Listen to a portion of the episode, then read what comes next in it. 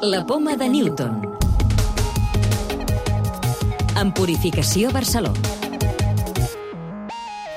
Aquesta setmana ens centrem en una investigació de l'Institut de Tecnologia de Massachusetts, el MIT, i de l'Atenció Primària Catalana per detectar la Covid-19 a través de l'anàlisi de la tos i la veu de les persones.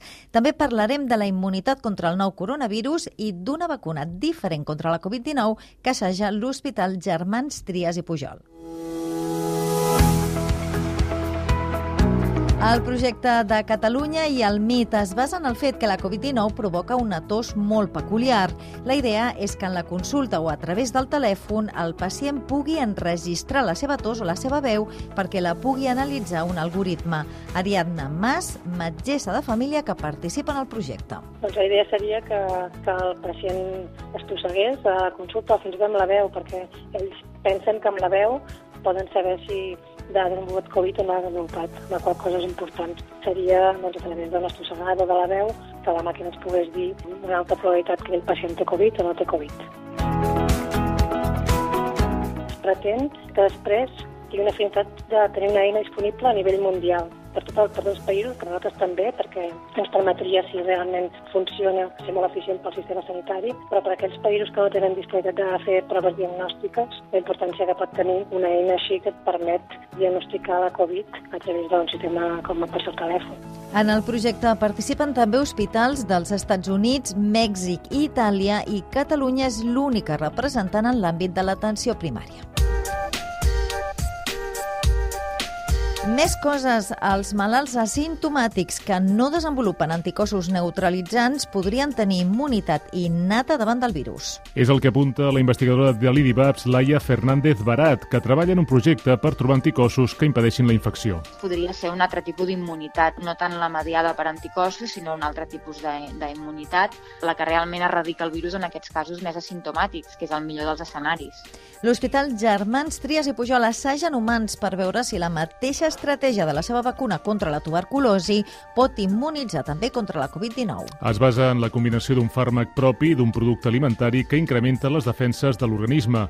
Pere Joan Cardona és un dels responsables del projecte. Nosaltres hem fet una aproximació una mica diferent. No, no és la vacuna pacífica que tothom espera, sinó que a nosaltres reforçar la immunitat innata a través d'un mecanisme que s'ha vist amb la vacuna de la tuberculosi que fa 100 anys que funciona. Científics del CSIC desenvolupen recobriments per reduir la presència del nou coronavirus en superfícies. Han estudiat les propietats desinfectants d'additius basats en vidres i nanopartícules de plata o coure i ara estudien com aplicar-los a les superfícies. L'objectiu del projecte és aconseguir materials que redueixin la supervivència del SARS-CoV-2 o fins i tot que l'inactivin, per exemple, en baranes, poms de portes o mostradors. Llibres de ciència. La recomanació d'aquesta setmana és un llibre en format de diari que relata de forma dramàtica el confinament de la població xinesa de Wuhan per lluitar contra la pandèmia. Diari de Wuhan de l'escriptora xinesa Fang Fang és un recull commovedor de les seves publicacions en un blog online des del març al 25 de març, quan la ciutat de Wuhan vivia en plena quarantena. Descobrirem històries del dia a dia de familiars i amics de l'autora amb diferents formes d'afrontar el confinament i també una visió molt personal de les repercussions en la població de les mesures del govern xinès per contenir les infeccions. Una obra que ja s'ha convertit en tot un referent per entendre les dimensions socials de la pandèmia. La clau de volta. El SARS-CoV-2 podria arribar a desaparèixer?